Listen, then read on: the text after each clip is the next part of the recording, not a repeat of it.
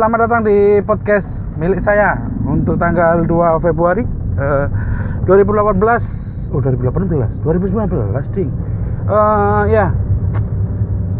Bagaimana kalian? Menyenangkan? Oh, no.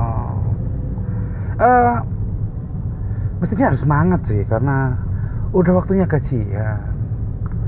Bagi yang gajian tanggal 1, tapi kalau gajian udah tanggal 20 kemarin ya udah habis lah uangnya ya. Cukup semangat untuk melakukan rekaman kali ini. Karena apa gitu? Apa apa yang dinanti sebagai orang uh, sebagai seorang pekerja? Kalau bukan gajian. Nggak mungkin. Kalau kalian pekerja kemudian yang dinanti adalah hari libur itu ya bisa jadi. Tapi yang paling ditunggu kan waktunya gajian waktunya pegang uang ya nanti uangnya meskipun hanya pegang setahari uh, lalu kemudian di hari selanjutnya uangnya sudah berpindah tangan ke orang yang lebih membutuhkan uh, ya apa kabar semuanya semoga baik-baik saja semoga sehat semuanya uh, tentunya hatinya bahagia gitu. mari kita hadapi awal bulan ini dengan semangat dan dengan amunisi yang kita punya.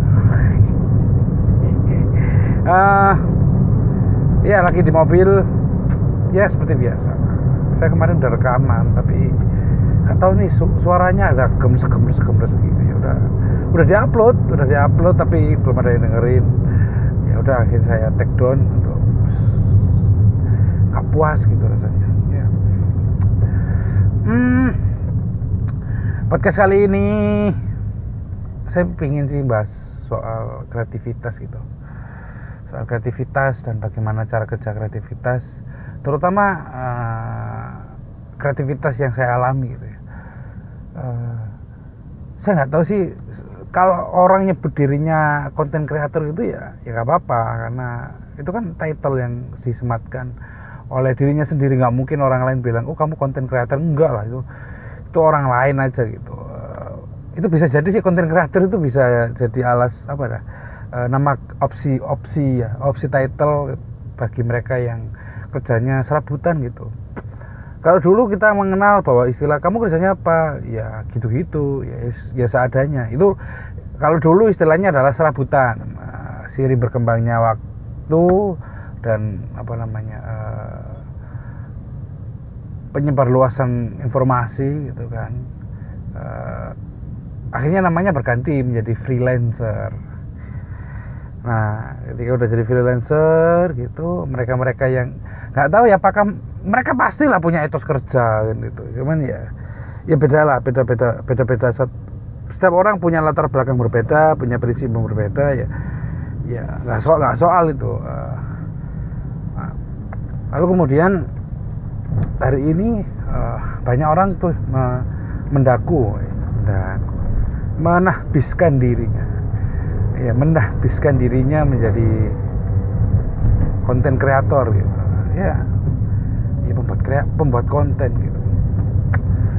Ya nggak apa-apa, nggak nggak soal nggak soal gitu, karena karena ya itu anak mereka gitu penyebutan apa mungkin ya seperti saya gitu di bio Instagram saya tulis pelatih. Pelatih apa? Nggak tahu. Ini pokoknya pelatih gitu. Uh, maksudnya saya lebih suka misal nih saya sih nggak suka untuk disebut guru karena terlalu rumit dan bebannya terlalu besar. Kalau pelatih mah yang ngelatih aja gitu melatih uh, targetnya apa ya kita kita latih sama-sama itu lebih suka gitu sih ketimbang sebut di guru uh, menyebut diri menjadi seorang guru gitu. Misal nih misal makanya bionya itu ya bio Instagram saya pelatih tulisannya bukan hanya bersenang-senang saya menganggap bahwa media sosial adalah cara untuk berkomunikasi dan pemanfaatan berjejaring gitu. Hmm, uh, tindak lanjut dari manfaat dari berjejaring berteman dan dan lain sebagainya gitu. Ya hmm, balik lagi pada proses kreativitas yang saya alami ya. Saya sih mendaku podcast misal kita semisal saya membuat podcast ini pun saya nggak bilang bahwa saya podcast saya sih ya ya podcaster oke okay lah fine. Karena itu sebutan e, kalau YouTube youtuber kan gitu ya. Kalau podcast podcaster. Orang yang melakukan membuat konten podcast gitu podcaster oke okay, fine. Tapi untuk kemudian disebut sebagai konten kreator kayaknya masih masih belum layak gitu. Atau mungkin cukup mengganggu karena ya saya sih masih tetap ingin disebut sebagai pegawai gitu aja sih. Oh, karyawan ini akan banyak yang menghujat bahwa oh, oh hanya karyawan aja banyak ngomong. Iya men. Iya emang saya nggak bisa sih. Saya masih belum berani untuk me, mentitle apa me, membranding ya membranding membranding diri saya menjadi seorang apa uh, bisnismen ya belum belum berani gitu saya saya 2019 ini targetnya masih ya resolusinya nggak jauh-jauh lah. Masih tetap jadi karyawan masih ingin punya uh, gaji apa gaji yang pasti di awal bulan gitu atau di akhir bulan. Uh, bisa ngantor gitu. Kemudian ya masih bisa menikmati fasilitas-fasilitas yang ada di kantor gitu. Ya ya ini kan subjektif kan. Uh, setiap orang punya punya sudut pandang yang berbeda-beda gitu satu dengan yang lain dan sebagainya uh, ya kita saling hormati lah. Kalau orang memilih menjadi pekerjaannya freelance ya saya saya acungi uh, komitmen yang mereka ambil gitu. Kemudian ada yang menjadi seorang bisnismen gitu ya. Saya juga sama saya akui bahwa wih itu orang anak muda yang memutuskan untuk menjadi bisnismen pun juga uh, patut di patut diapresiasi gitu. Karena karena bisnis bukan hanya soal kamu beli barang 10.000 kemudian kamu jual dengan harga 1.200 nggak soal itu. Banyak hal yang harus dipikirkan dan seorang bisnismen itu sudah memikirkan bagaimana dan uh, perancangan apa yang mesti mereka lakukan dalam satu atau dua hari ke depan. Itu yang kemudian saya salut dari seorang bisnismen wirausaha atau apa pun lah. Uh, cuman ya, ya ini kan karena maraknya uh, bisnis ini kan bisnis motivasi gitu kan mengkapitalisasi ya kapitalisasi uh, harapan dan mimpi gitu uh, yang membuat banyak anak muda akhirnya uh, jauh dari realita gitu. Uh, kenyataan hidup yang pahit itu anak muda masih belum sanggup menerima itu. Mereka saya, saya akui saya, saya anak muda saya generasi milenial gitu tapi banyak pengalaman yang kemudian membuat saya akhirnya memilih me mentaikan misalnya omong kosong lah dengan dunia ini gitu. Ya udahlah kita jalani aja. Kalau punya ide ya udah dilakukan gitu. Hope itu menurut saya hope yang paling tinggi adalah putus asa gitu. Berkali-kali ngomong di mana pun uh, hope hope seseorang harapan seseorang itu bukan dia ingin punya rumah bukan dia ingin punya mobil bukan. Tapi hope yang paling tinggi yang tingkatnya udah paling suci paling agung itu ya ya putus asa gitu. Emang kalau emang kalau sudah putus asa emang mau ngapain gitu? Ya udah let's do it gitu. Nggak lakuin aja nggak usah nggak usah bermimpi gitu. Ketika ya makanya itu sih uh, harapan yang paling tinggi dan paling paling agung menurut saya. Paling tingkatannya udah paling atas sendiri itu ya. Ya putus asa gitu. Nah uh, kembali lah padahal ngomong bingung ngomong kreativitas uh, ya uh, membuat podcast ini salah satu cara saya untuk mengasah dan saya saya ingin sih 2017 itu adalah tahun di mana saya sangat ya bukan kolab ya istilahnya udah sangat putus asa dengan dengan mimpi gitu. saya nggak tahu setelah ini mau ngapain karena uh, secara pendidikan pun saya juga nggak bagus-bagus amat gitu uh, kemampuan saya hanya apa ya? Yes. saya nggak tahu sih. Saya itu saat kemarin yang ta tahun 2017 itu saya nggak ngerti apa kemampuan saya. Karena Ah, goncangan hebat yang saya alami saat itu adalah satu kejadian yang buat saya akhirnya anjrit tai. Maksudnya ya saya sudut pandang saya saat itu ketika melihat dunia ya apaan sih ini? Mobil kayak banget ya. ah sorry sorry uh, tahun itu saya melihat dunia adalah sebuah omong kosong gitu uh, bahwa orang hanya datang ketika membutuhkan itu tanpa mereka tahu nih persoalan apa yang sedang dihadapi oleh orang lain di sekitar mereka. Uh, dan saat itu posisi saya adalah orang yang yang merasa butuh pelukan yang merasa butuh perhatian dan tidak ada orang gitu yang yang hadir gitu yang di sana. Uh, uh, di samping saya gitu. Bukan bukan saya jomblo terus enggak. Ada kan titik fase di mana orang benar-benar putus asa dengan kehidupannya uh, menyerah dengan harapan gitu. Kemudian tidak memiliki mimpi. Ada kan seperti itu. Mungkin kalian juga mengalami atau mungkin siapa gitu. Atau teman teman kalian atau uh, saya posisi itu sih dan orang-orang yang saya baiki saya bersikap apa, bersikap baik dengan orang yang ada di sekitar saya ya balasannya tidak begitu mengenakkan gitu. Mereka cenderung hanya ya say hello kemudian bertemu tidak saya itu saat itu pingin sekali itu ditanyain oleh mereka mereka bertanya kepada saya gitu e, nggak usah pertanyaan yang yang muluk lah ya minimal uh, udah makan tau. Oh udah enggak enggak, bukan bukan itu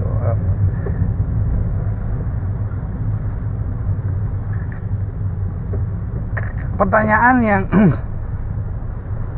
ya apa ya ya udah makan. Karena memang saya nggak tahu saya enam bulan tujuh bulan nggak pegang uang tapi kecil sekali gitu dengan dengan gaya hidup saya nggak nggak gitu wow istimewa uh, makan ini. Enggak enggak gitu. Itu saya normal normal aja seperti layaknya orang kampung orang daerah gitu.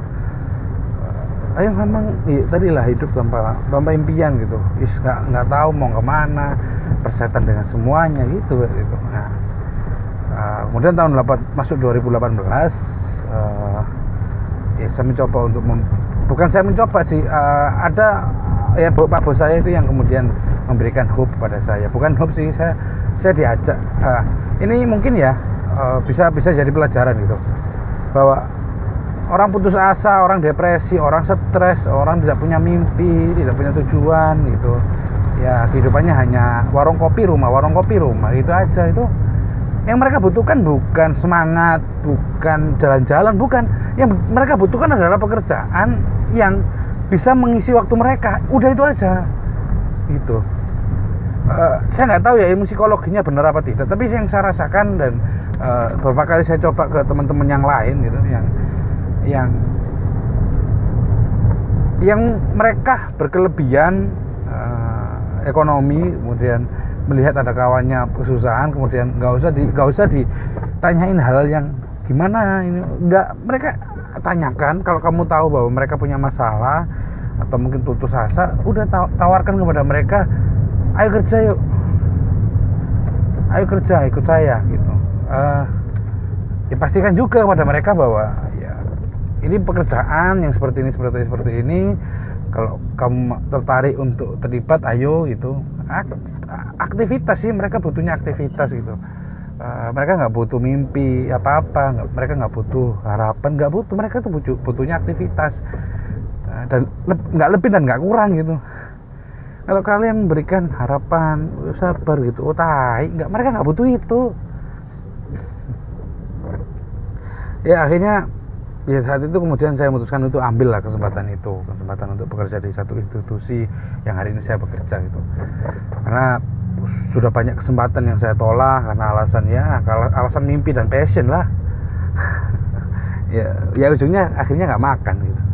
Ya akhirnya ya Allah diambil aja lah diambil. Ya alhamdulillah kondisi mental juga makin lama makin baik. Saya berani melakukan apa-apa eh, mencoba untuk berkarya. Meskipun podcast ini apa ya meskipun podcast ini apa ya sebutannya karya atau tidak saya nggak tahu. Pokoknya melakukan apa yang saya ingin apa yang ada dalam pikiran dan di re, direalisasi dalam bentuk nyata gitu uh, dilakukan dan ya, saya sih masih dalam tahap uh, dalam tahap penyembuhan ya bukan kemudian ini selesai dan uh, saya merasa bahwa diri saya saya enggak saya masih proses ber, bertahap gitu. Uh, ya salah satunya ya menghapus game di handphone gitu mengurangi jam bermain game gitu. Ya bukan karena bukan game itu uh, buruk enggak. Cuman yang saya butuhkan saat ini adalah ya ini kan ngomong nih apa yang kita butuhkan bukan apa yang kita inginkan gitu. Saya saya butuhnya adalah percakapan dengan orang. Siapa pun orangnya saya ingin bercakap karena saya suka sekali dengan percakapan gitu. Uh, apa pun percakapan itu uh, kita connect gitu kita saling ya saling ngerti satu dengan yang lain dan sebagainya. Itu saya suka dengan proses itu dan uh, di tahun 2017 itu kan itu lagi hype bukan lagi hype nih sedang naik-naiknya uh, macam-macam lagi online gitu. Yang base base-nya adalah basicnya adalah mobile uh, handphone gitu. Jadi ketika kita ketika saya bertemu dengan teman-teman mereka sibuk dengan handphonenya ya udah akhirnya saya ikut. Ya, saya merasa saat itu nggak ada progres nih. Hidup saya kok nggak ada progres, nggak ada kemajuan. Ya. Uh, sebelumnya mohon maaf nih kalau ada suara gemericik hujan karena di luar sangat ya hujan lah. Jadi semoga tidak mengganggu. Semoga tidak mengganggu dan aduh ini mobil juga ini suaranya keras sekali. Hujannya uh, jadi apa tadi? Ya pokoknya begitulah ya. Nanti kalau kalian nggak tahu silakan di apa namanya di replay. Kan podcastnya enaknya gitu nih. Kita bisa replay kalau kalau oh apa tadi kata-katanya? Oh kita bisa replay kalau itu kan. Kalau radio kan nggak bisa tuh nah balik lagi pada soal kreativitas yang waduh ngomong kreativitas aja udah 15 menit. Uh, padahal nggak ada hubungannya sama kreativitas. Hmm ya seperti halnya podcast ini saya saya belajar secara otodidak meskipun ya meskipun uh, podcast ini secara penyajian sangat mentah sekali gitu. Uh, hanya tambah opening klip ini cuma gitu aja gitu nggak ada nggak ada hal yang spesifik yang unik yang uh, menunjukkan bahwa oh ini adalah podcast milik enggak ini podcast yang random aja udah. Kalau ngobrol ngobrol aja gitu. Ya selayaknya saya ngobrol dengan orang. Ya saya ngobrol sama orang pun ya sama seperti ini gitu. Cuman kalau ngobrol sama orang pakai bahasa bahasa kita bahasa daerah kita gitu. Ya, kalau bahasa Indonesia ya ya nggak tahu sih. Uh, saya kalau di Jakarta sering kali dihina sama orang-orang gitu sama teman kantor itu medoknya tolong dihilangkan. Tapi emang gimana ya medok? Ya orang emang gini. Oh, maksudnya uh, gaya bahasanya juga seperti ini gitu. Kalau diubah emang diubah seperti apa? Ya, ya sudah lah ya ya diterima aja sih. Gitu. Oh ya nah contoh di podcast uh, podcast ini balik lagi ke pembahasan kreativitas dan bagaimana sih saya berproses proses kreatif gitu. Proses kreatif. Uh, podcast ini ini ini saya jujur ya uh, podcast ini terilhami terinspirasi uh, secara gagak secara konsepnya adalah dari podcast milik saya dan jadi podcastan macam-macam tuh banyak itu macam kayak apa pam lah suarani lah kemudian uh, subjektif box to box kemudian retropus kemudian apa? Apalah banyak lah gitu.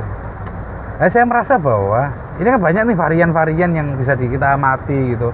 Eh, produk-produk podcast yang bisa kita amati yang oh kayaknya ini bagus deh untuk saya. Oh kayaknya ini nggak bagus deh untuk saya. Oh nah itu kan bisa kita amati tuh di pod, di, di banyak podcast gitu di mana namanya di Spotify di SoundCloud. Gitu nah saya merasa bahwa uh, kayaknya secara gaya penyampaian uh, saya dengan saya lebih cocok ini. Ini soal cocok atau tidak cocok ya. Uh, saya lebih cocok dengan gaya penyampaian yang disampaikan yang dibawakan oleh oleh Adriano Colby gitu di podcast milik saya eh di podcast di podcast awal minggu gitu. Yang raw mentah ngobrol aja tanpa apa on the point itu. Meskipun ada gimmick-gimmick sedikit uh, ngelantur-ngelantur sedikit nggak nggak soal gitu. Ya tahu mereka uh, ya kayak ngobrolnya hanya biasa aja tanpa tanpa tanpa namanya uh, tanpa skrip yang rapi yang mentah gitu. Seperti ketika saya kemarin nyoba nyoba dalam konsep uh, ada tamu itu ya ya memang awal sih saya merasa dengarkan lagi kayaknya oh iya sih cukup kaku itu. Ya, ya mungkin ke depannya bisa jadi lebih baik. Tapi secara konsep saya cenderung uh, terinspirasi oleh Adriano Colby secara konsepnya. Tapi secara penyampaian ya kita punya pembawaannya berbeda-beda gitu. Adriano Colby yang cenderung uh, ke Jakarta Selatanan gitu yang saya lebih cenderung ke Surabaya gitu. Ya yes. uh, mungkin Surabaya saya tidak begitu Surabaya yang ada tuh kalau kalian punya teman Surabaya yang yang apa yang wih yang sangat menggairahkan gitu. Akhirnya yang sangat menenggebu kalau ngomong gitu yang jancuk oh niku ah gitu. Oh apa sih? Awakmu nah gitu. Ada kan gitu. Nah, saya sih lebih cenderung ya. Atau ini karena memang referensi ya referensi apa yang dan uh, intensitas saya saat dulu masih kuliah ikut terlibat dalam organisasi diskusi-diskusi uh, meskipun sampai sekarang juga masih aktif itu. Eh, komunitas-komunitas itu ya akhirnya membentuk gaya bicara yang sedemikian gitu. Hmm. ya seperti itulah. Kemudian akhirnya podcast ini terbentuk uh, dengan gaya yang sedemikian uh, ya meskipun pendengarnya masih di angka 13 gitu nggak soal sih. Karena memang nggak ada tuntutan apa-apa menurut saya kan uh, saya pun ber, berangkat dari daerah gitu yang notabene uh, apa ya tren itu telat beberapa saat gitu. Uh, bisa ber, bukan beberapa saat sih bisa beberapa bulan bisa beberapa tahun gitu. Uh, tren di daerah pun demikian ya, seperti itulah ya. Uh, saya cukup kaget sih ketik eh, jadi seperti ini kenapa saya ngomong kenapa saya ngomong begitu? Uh, nanti kalau misal nih ada pertanyaan lu ya nggak bisa gitu mas. Anak daerah masih mampu lah. Orang buktinya Bayu Sekak aja bisa sampai nasional. Iya tahu tahu. Tapi prosesnya berapa tahun tuh? Baru sekak hingga di titik ini gitu. Uh, bandingkan dengan siapa? Just Limit atau siapa? Gitu yang kita ngomong dunia YouTube ya. Uh, Bayu Sekak berapa tahun tuh baru bisa dia harus buat film dan sebagainya? Lima tahun enam tahun tujuh tahun mungkin. Uh, growth apa namanya? Pertumbuhannya nggak nggak langsung naik gitu. Misalnya kalau Bayu Sekak di Jakarta saya sih yakin ya ketika Bioskop di Jakarta ada komunitas ada ruang kreativitas di sana ada orang-orang aktor-aktor yang memang memang secara keseharian itu ya ya ya kerjanya di di bidang kreativitas gitu. Uh, dan di Jakarta pun saya ngomong Jakarta ya nggak saya nggak ngomong Indonesia Jakarta lah. Karena uh, ini sih yang menurut saya sih apa istilahnya? Pemerataan. Pemerataan. Pemerataan pendidikan atau informasi? Kalau informasi sih enggak. Uh, sumber daya ya sumber daya manusianya yang manusianya nggak merata nih nggak sama semuanya gitu. Ada gap ada jarak gitu dan sebagainya. Uh, misalnya misal Pak Yuskak di Jakarta dengan dengan style dia eh, konten-konten yang dia bawakan sedemikian itu ya mungkin mungkin uh, eh, BSK akan naik lebih cepat tidak harus menunggu 4 tahun 5 tahun 6 tahun gitu. Uh, uh, tapi tapi tapi uh, dengan Bayuska hadir dari daerah gitu uh,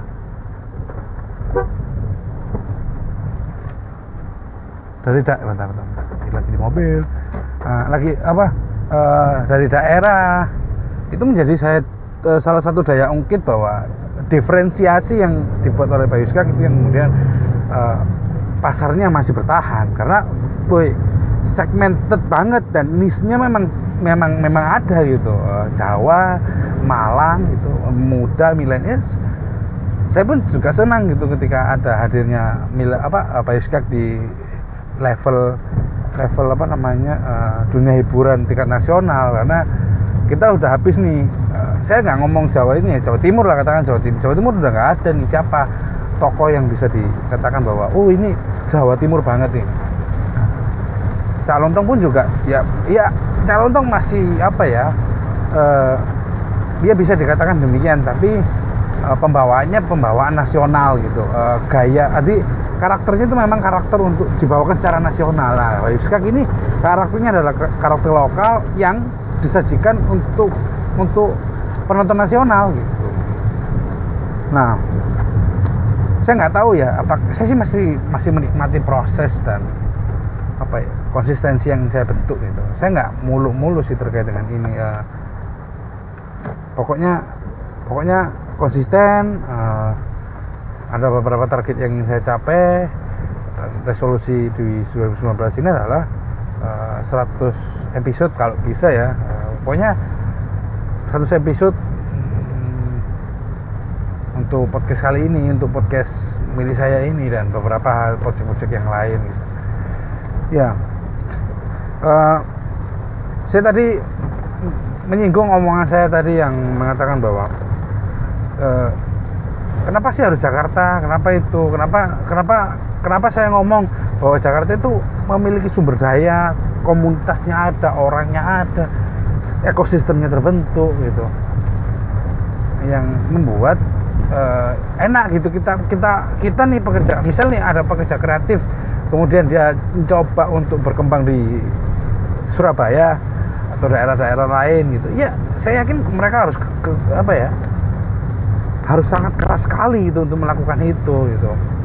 Uh, karena ini kerja bakti kerja rodi lah istilahnya kerja rodi.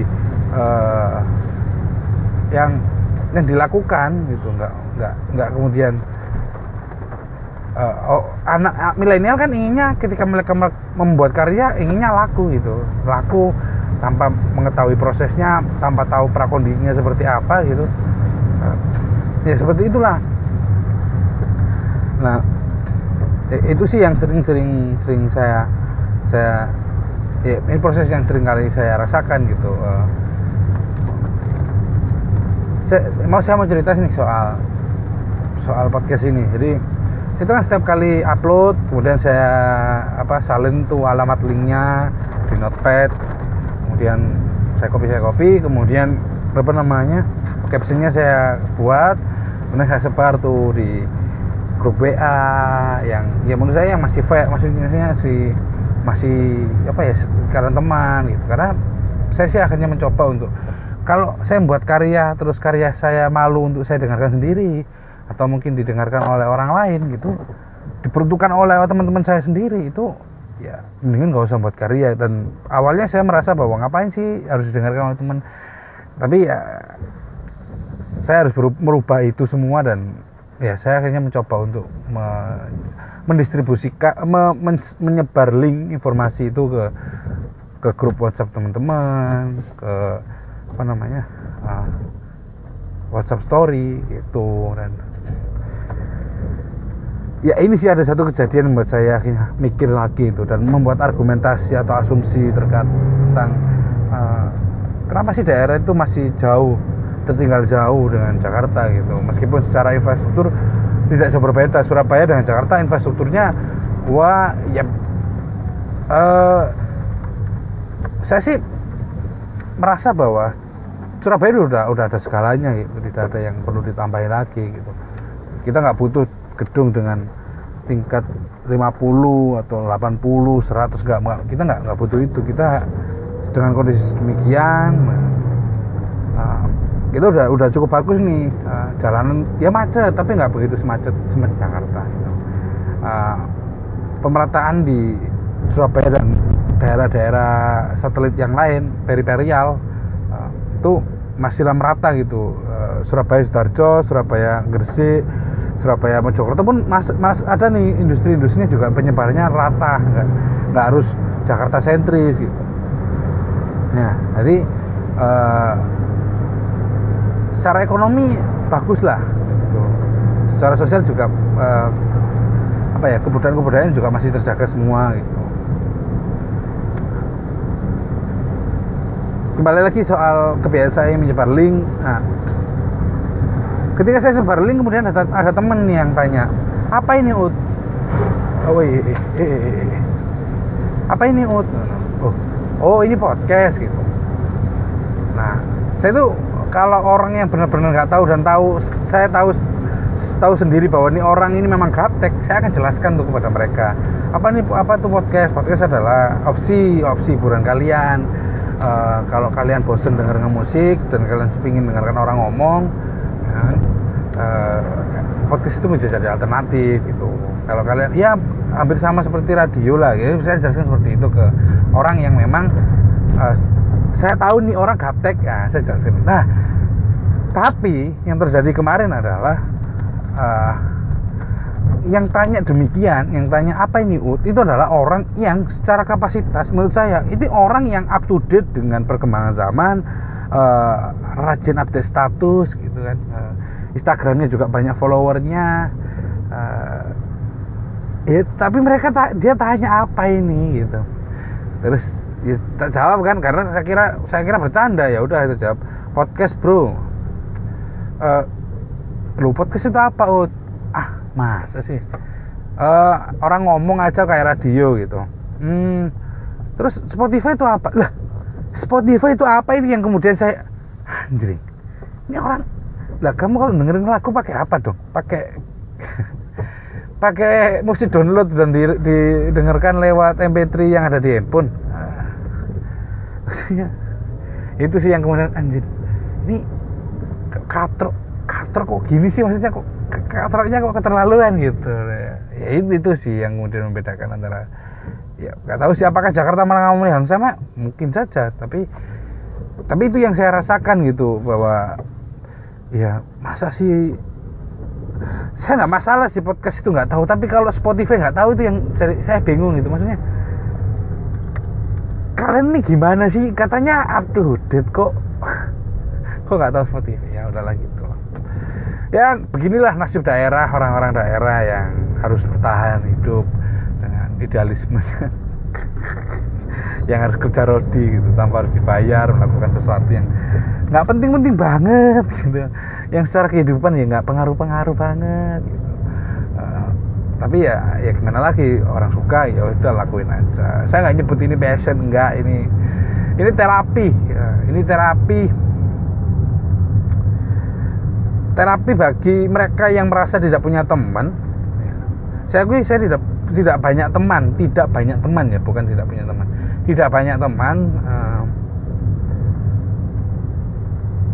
dan kadang-kadang ingin tuh punya punya keresahan untuk pingin ngobrol sama orang tapi ya eh ketemu sama orangnya dia sibuk main Mobile Legend eh gitu gitu kan tai kan gitu. Atau mungkin ketemu terus tiba-tiba dia buka PUBG eh anjing. Itu sih yang akhirnya apa ya percakapan itu tidak terbentuk dan buat saya ilfil untuk untuk bertemu dia kembali.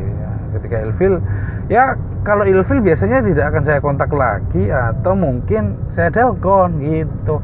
Ya, itu sih membuat saya kemudian sangat dikit sekali dengan pertemanan. Bukan ya subjektif atau mungkin apalah. Bodoh amat saya tutup mata terkait dengan anggapan orang. Ini kalau memang mau klarifikasi ya saya siap aja gitu. Tapi saya merasa bahwa apa yang saya lakukan benar gitu.